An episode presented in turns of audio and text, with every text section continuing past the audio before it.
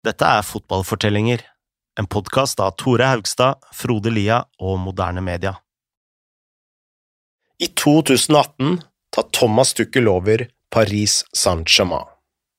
Tiden i Paris skal by på falske løfter, en brukken fot og en vill bursdagsfest. Kaoset til tross fører han laget til finalen i Champions League. Men det er i Chelsea at Tuchel virkelig skal finne det han har letet etter.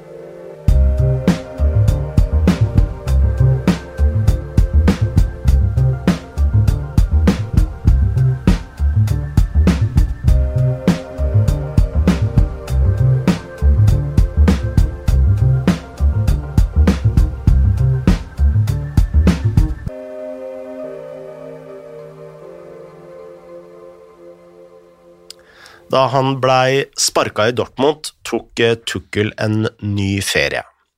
Han begynte å meditere, han tok eh, familien sin til eh, Bilbao, og han leste enda mer.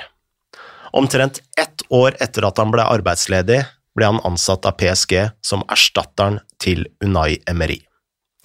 Tukkel, som hadde tatt et lynkurs, holdt sin første pressekonferanse på fransk.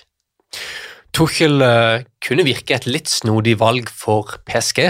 Han uh, ville jo presse høyt med laget, noe som passa litt dårlig med Neymar i spissen. Han hadde krangla med sine egne spillere både i Mainz og i Dortmund, og uh, PSG-stallen var definitivt ikke lettere å håndtere enn de. Og han hadde lite erfaring i Champions League, som PSG var besatte av å vinne. For å vite mer om hvorfor PSG valgte Tukkel, har vi snakket med vår gode venn Jonathan Johnson, en engelsk journalist som har bodd i Frankrike siden han var 16 år.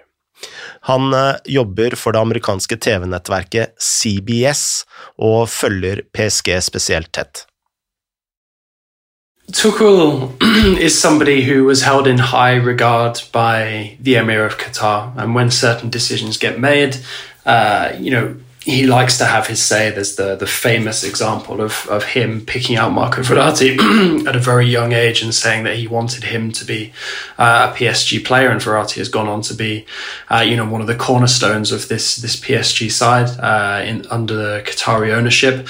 Um, and Tuchel presented himself very well. Basically, when he saw the the opportunity opening up in Paris, he contacted PSG and uh, you know basically wanted to put himself forward uh, as a potential candidate to take over, uh, and presented himself so well that uh, that you know the the club ultimately decided that he was the man to to shape their their project uh, for that moment uh, after Unai Emery's departure. Det sier litt om kravene i PSG at Emery ble sparket etter en sesong hvor han vant alle de fire trofeene i Frankrike, altså ligaen, cupen, ligacupen og det såkalte Trofés des Champions, eller Mesternes trofé. Imponert nå, Tore? Veldig god uttale. Problemet til Emery var at PSG hadde flydd på hodet og rumpa ut av Champions League, hvor de hadde tapt 5-2 sammenlagt i åttendedelsfinalen mot Zinedine Zidans Real Madrid. Tuchel tok over et lag med en vanvittig offensiv slagkraft. Han hadde Neymar, Kylian Mbappé, Angel Di Maria, Edinson Cavani. Og så hadde han Tiago Silva bak oss som styrte skuta, ved siden av Marquinhos. Så både fremme og bak så var dette et vanvittig sterkt lag, men midtbanen, den var litt tynn. PSG hadde fortsatt Marco Verratti, men de savna veldig Tiago Motta og Blaise Mautuidi. Og selv om PSG hadde prøvd å demme opp for dette ved å hente Leandro Paredes fra Zenit St. Petersburg, så følte Tuchel at han mangla de riktige ingrediensene for å få midtballen til å gå opp. Likevel startet Tuchel med å vinne alle de første 14 kampene i liga. Vi spurte Jonathan om hva slags inntrykk han ga av fransk fotball i starten. His early days as PSG coach were extremely impressive. Uh, you know, he experimented a lot tactically. Uh, you know, got players tried in, uh, in in new positions, got very innovative. Had he had to be because at that time, uh, you know, PSG were operating with very limited options in the midfield. Uh, everyone will recall um, the the issues with Adrien Rabiot, which which ultimately led to him leaving the club. His ideas were always very clear. Uh, you know, very very intelligent. Uh, you know, his press conferences would be in such greater detail than so many of his predecessors. You know, if you got Tuchel talking about tactics, you know, conferences would, would quite often, you know, go beyond an hour uh, in length, which is, you know, very rare for for football coaches, especially when he was, you know, not always doing it in English as well. A lot of it was in uh, was in French. Tuchel lærte fort hvordan spillerne hans fungerte. Han så f.eks. at eh, Neymar var en liksom type som trengte en god vibe i garderoben, og at han, han merka den dårlige stemninga veldig kjapt. Mens en type som Mbappé omtrent var så dreven og profesjonell at han eh, trente seg sjøl. En dag så merka f.eks. Tuchel at Mbappé ga seg selv en gave. Uh, og Det var da en T-skjorte uh, som markerte at Mbappé hadde skåret 100 mål på trening. Mbappé telte altså alle målene han skårte på treningsfeltet. Men Tukkel visste at ikke alle i PSG var like proffe. Så han gjorde alt det han kunne for at alle skulle være fornøyd, og ikke minst edru. There's there there's definitely been friction at uh, at certain points, but there's you know there is regardless of, of who is in charge. There's actually a really good um, anecdote about Tuchel when he arrived in Paris. One of the first things that he did was he went around all of the the hotspots, the the the PSG players would go and visit and checked in with sort of heads of security and sort of stuff like that so that he knew that he'd be able to police his uh, players to make sure things weren't getting too uh, too out of hand not necessarily police them but keep an eye on them uh, you know that's that, that that's how uh, you know, well thought out. Uh, the beginning of his time with PSG was, uh, you know, he had certain objectives in his mind immediately to get the players on side. Uh, and that was just one sort of part of uh, of his arsenal to, to command respect in the in the dressing room. Certainly up until uh, you know COVID came in, uh, you know things were you know the the players he, he had the support of the players. Uh, you know, some of them, yes, of course, were a bit frustrated that it seemed like Tuchel had his favourites, notably Neymar. Um, but for the most part, you know, everyone was sort of buying into, uh, you know, who Tuchel was uh, as a coach and respecting him and uh, and his decisions. But Tuchel has always been very, very communicative. Um, you know, he he speaks to to everyone. He would put his arm around a player uh, and and speak to them uh, at great length if he needed to get some idea across tactically. Uh, you know, or, or see what's see what was going on with them off of the pitch. PSG spaserte til ligatittelen den sesongen, 16 poeng foran Lille. I Champions League møtte de Manchester United i åttendedelsfinalen, og de begynte med en strålende 2-0-seier på Old Trafford, hvor Tukkel utklasserte Ole Gunnar Solskjær, selv uten Neymar. Og Jonathan fortalte oss at PSG bestemte seg for å fornye Tukkels kontrakt etter den seieren. De var svært fornøyd med seieren og følte seg helt sikre på å gå videre. Men i Paris noen uker senere så klarer altså United å skåre to mål den første halvtimen. PSG er likevel videre med 3-2 sammenlagt ett minutt før slutt. Så fyrer Diego Dalot av et skudd som går via en PSG-spiller og til corner, uten at noen protesterer noe særlig. Men så skal plutselig VAR sjekke om skuddet har truffet hånda til Presnell Kimbembe. Dette er kommenteringa fra BT Sport.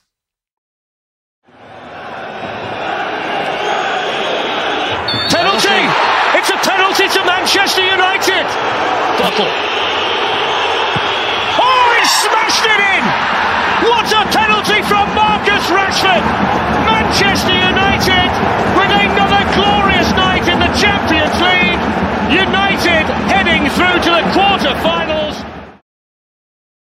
Dette tapet hadde en enorm effekt på PSGs eh, sesong.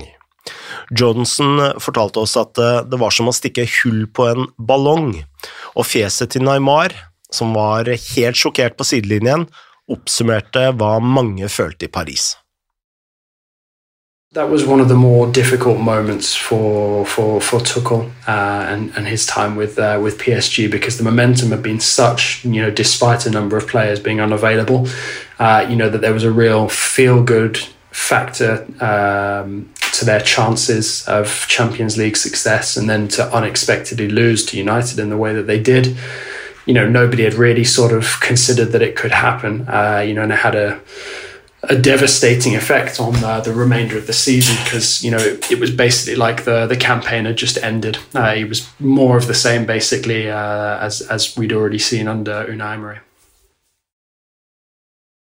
Sommeren 2019 prøvde PSG å styrke midtbanen igjen.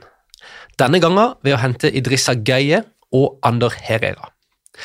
Det var rykter om at Tuchel ønska Julian Weigel fra Dortmund, men dette skjedde ikke.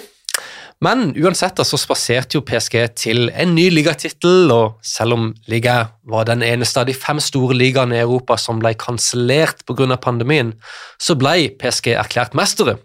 Alt var altså som normalt på den fronten, men i Champions League så var det igjen drama rundt laget. I februar skulle Tukkel ta PSG tilbake til Westfallen for å møte Dortmund i åttendedelsfinalen. Som vi alle husker, drylte Erling Braut Haaland inn eh, to mål, og Dortmund vant 2-1. Men resultatet var ikke det verste for Tukkel. To dager senere kom det frem at flere av spillerne hadde hatt en vill bursdagsfest i regi Cavani, Di Maria og Mauro Icardi. De hadde leid et palass i Paris hvor det blei heftig drikking og dansing til eh, langt utpå kvelden, eh, eller natten, eh, rettere sagt. Og det var også bilder av Mbappé som vikarierte som DJ. Det var andre bilder av Neymar som endte opp i bar overkropp, og Selvsagt måtte det hele filme, uh, bli filmet og lastet opp av uh, koner og kjærester på sosiale medier. Og Dette skapte jo selvfølgelig bråk i Paris, og det var i tillegg kun to dager før neste ligakamp mot Nantes. Og ikke bare pressen uh, outraged over dette, men Tuchel var jo heller ikke særlig imponert. Uh, og sportsdirektøren Leonardo måtte holde et skikkelig oppvaskmøte med spillerne. Jonathan fortalte oss om hva som skjedde videre. It's funny because a lot was made of the, the those birthday celebrations. Neymar wasn't the only one uh, shirtless. There were a number of uh, of players. Cavani was there. Di Maria was there. Keylor Navas was there. Navas famously was saying like, "This is this is how you do it. This is how you win the Champions League. It's how you foster the the team spirit to you know to to, to go." Uh, and get the results necessary to uh, you know to succeed in a competition like that. Nobody really took it very seriously at the time. Everyone was pretty livid um, about that defeat to to Dortmund. But then something really impressive happened. The players sort of took it upon themselves to almost go into. I mean, this this is just before COVID, so you know they almost created a bubble for themselves uh, where they focused entirely on that return leg against uh, Borussia Dortmund. And if you watch that match back, it's one of, if not the most polished PSG performances um, that they they managed to put out under under Tuchel. I'd, I'd rank it up there. Um, along with that performance away at Manchester United as one of the one of the best performances, one of the most impressive. And they managed to they managed to retain that that spirit that they'd fostered. Um, you know, after COVID, uh, you know they took it with them to Portugal for the for the final eight and managed to make it past teams like Atalanta uh, and Leipzig before they came up against uh, Bayern. So you know, really, you could say that that was the turning point. That was sort of the moment where the players decided that they believed in their own ability, um, and Tuchel was able to get his ideas across so much more easily. Um, and you know the performances followed. You know they were some of the best performances PSG have put in in Europe um, under Qatari ownership. I Portugal, hvor alle utslagsrundene ble avgjort med én kamp hver, dukket uh, Tuchel opp på krykker. Han hadde brukket et bein i foten i løpet av en treningsøkt og måtte ha på seg en slags støvel for å beskytte beinet. Men uh, spillerne var friske og leverte en god finale, Dessverre for Tukkel var motstanderen Bayern München. Kingsley Coman, som hadde kommet opp gjennom PSGs akademi, skåret det eneste målet i kampen. Nok en gang sto Bayern i veien for Tukkel. Dette til tross hadde Tuchel vist alle i Paris at han kunne få det beste ut av sine offensive spillere, og da spesielt Neymar. Tactically, uh, probably the most important player when he was fit and available was was definitely Neymar.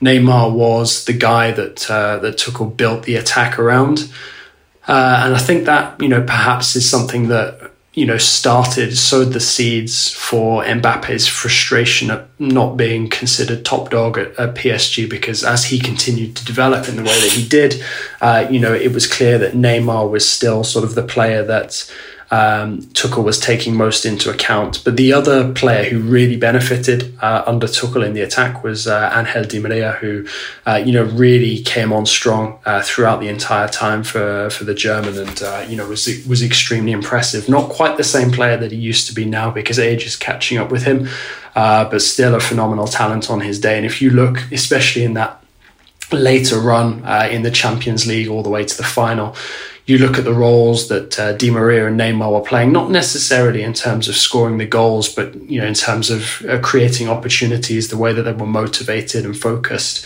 Uh, you know, it, it, it's really impressive, and uh, you know, very unlucky in many ways for PSG that they came up against that all-conquering Bayern side that were just such a machine. Etter den finalen begynte Tuchel å vise sin frustrasjon. Han virka allerede oppgitt over all kritikken han fikk fra pressen, og han skjønte liksom ikke hvorfor ja, f.eks. et bytte han hadde gjort i en kamp, kunne bli diskutert i den franske pressen i flere uker etterpå. Han sa at han kun var der for å trene laget, og at et gressteppe og en DVD-spiller egentlig var alt han trengte for å være fornøyd. Han brydde seg ikke om alt dette andre pes rundt laget og alle ryktene i pressen. Og nå la han til da at han syntes laget fikk for lite kreditt for å ha nådd finalen i Champions League, som de tross alt hadde prøvd å, å, å, klare i så mange år før han hadde kommet. Han følte rett og slett ikke at arbeidet hans ble skikkelig verdsatt i Paris. Over sommeren ble ting enda mer komplisert.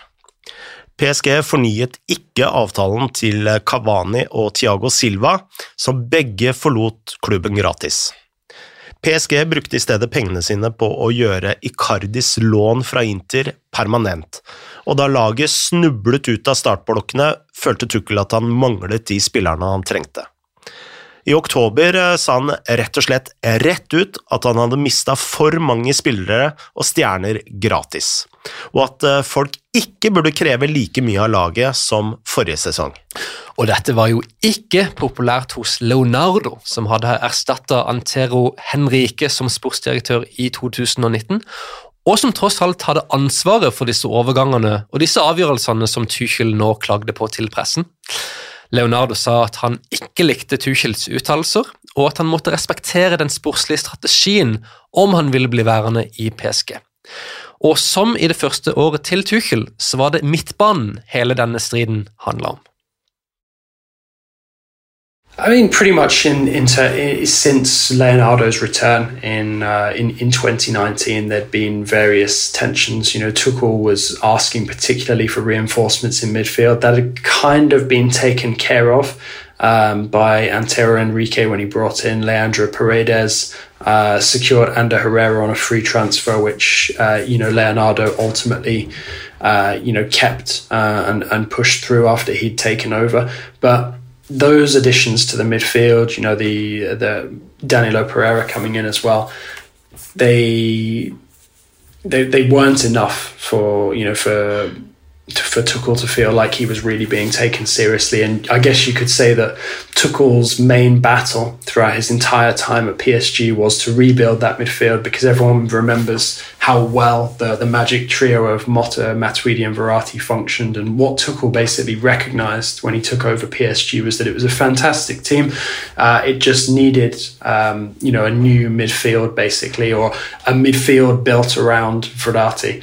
Uh, and that's that, has been the problem now for a number of coaches. Pochettino's uh, struggled with it as well. Unai Emery, uh, you know, had a difficult time, uh, you know, sort of seeing off uh, Motta and Matuidi and then not being able to replace them, uh, trying to keep Rabiot happy, which was Tuchel also you know struggled with, and ultimately he ended up leaving the club. And you know I think that it's it's something that PSG still pay for uh, today, but that's certainly a source of many of the the tensions. Tuchel wanted certain profiles of players, uh, and Leonardo just would would go and do his own thing. But as we've seen with PSG's transfer dealings since, uh, you know, it's it's almost like the coach's opinion doesn't really matter um, anymore. It's it's who is perhaps the biggest name star. Um, that's what dictates whether PSG want a player or not.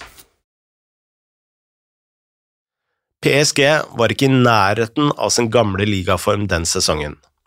Innen vinterferien lå de på tredjeplass, og selv om de kun var ett poeng bak toppen, var misnøyen stor. De vant eh, årets siste ligakamp 4-0 mot Strasbourg, men det var aldri nok til å redde Tukkel. Den 25. september fikk han sparken. Tuchel hadde neppe forestilt seg å være tilbake i arbeid så kjapt. Men da Chelsea ga Frank Lampard fyken, så ble han ansatt på Stamford Bridge den 26. januar. Så lite tid hadde Tuchel før sin første kamp for Chelsea, hjemme mot Wolves, at han planla lagets kampplan på flyet på vei til London.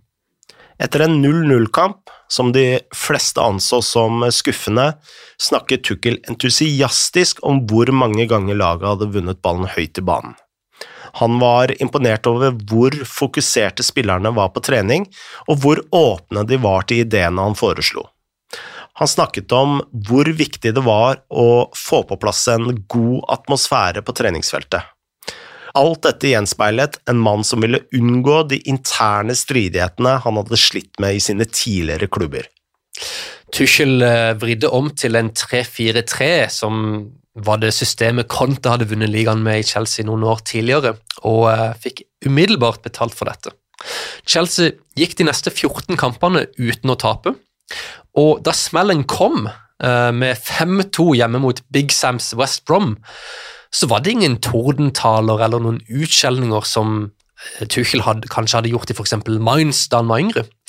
Tuchel samla eh, heller bare spillerne dagen etter til en detaljert videoanalyse og gikk rolig gjennom de feilene de hadde gjort, og, og det var alt. Han snakka om at stallen var en slags familie hvor alle måtte akseptere et sett med felles regler, og at det ville være harmoni om alle gjorde dette.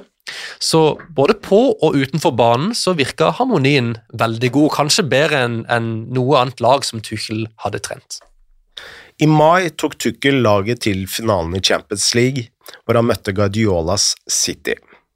Tuchel hadde enda ikke hatt en skikkelig samtale med sjefen selv, Roman Abramovic, men det er jo uansett eh, direktøren Marina Granovskaja som styrer den daglige driften i Chelsea.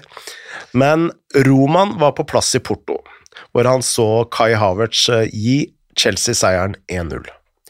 Da sluttsignalet gikk i Porto, falt Chelsea-spillerne ned på gresset i ren glede. Trenerbenken sprinta ut til spillerne. Tuchel og Guardiola ga hverandre en klem, og Eduard Mendy brast sammen i gråt. Dette er kommenteringa fra BT Sports.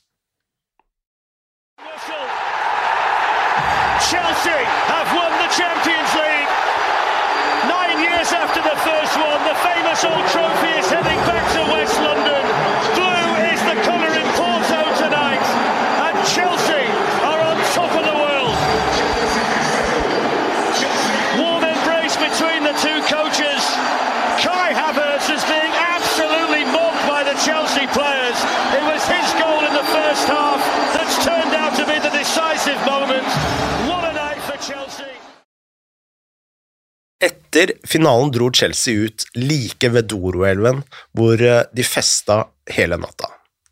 Tukkel drakk eh, gin and tonic, men klokka halv fem på natta fikk han høre fra sjefen sjøl, Granovskaja, at andre andresjefen sjøl, Abramovic, ville ha et møte med ham på et hotell i sentrum bare om tre korte timer. Da gikk Tukkel rett over til Coca-Cola. Det tror jeg også hadde gjort hvis, Ramo, hvis Roman hadde venta på meg på hotell. Da hadde jeg tatt sånn Thomas Walsgaard-drikk. Kaffe blanda med cola med litt sukker oppi. Vi vet ikke hva som skjedde på dette møtet, men uh, vi kan bare anta at det gikk bra. For fem dager senere så forlenga Chelsea kontrakten til Tuchel til 2024. I det vi spiller inn dette, så har ikke Chelsea klart å kjempe om tittelen denne sesongen som mange hadde håpet. Uh, men Tuchel han har sagt at han er lykkeligere nå enn han noen gang har vært i sin trenerkarriere. I oktober ble Tuchel spurt etter sin mening om at stadig flere av de som ikke har vært proffe spillere, nå får sjansen til å trene på toppnivå. Da han skulle svare, husket han kanskje tilbake til tiden i Stuttgart, da han var i midten av 20-årene og jobbet i en bar, skada, blakk og frustrert, uten en klar fremtid i fotball. Det er fint at dette er mulig, sa Tukkel. Jeg er bare takknemlig for at jeg kan ha dette som en jobb.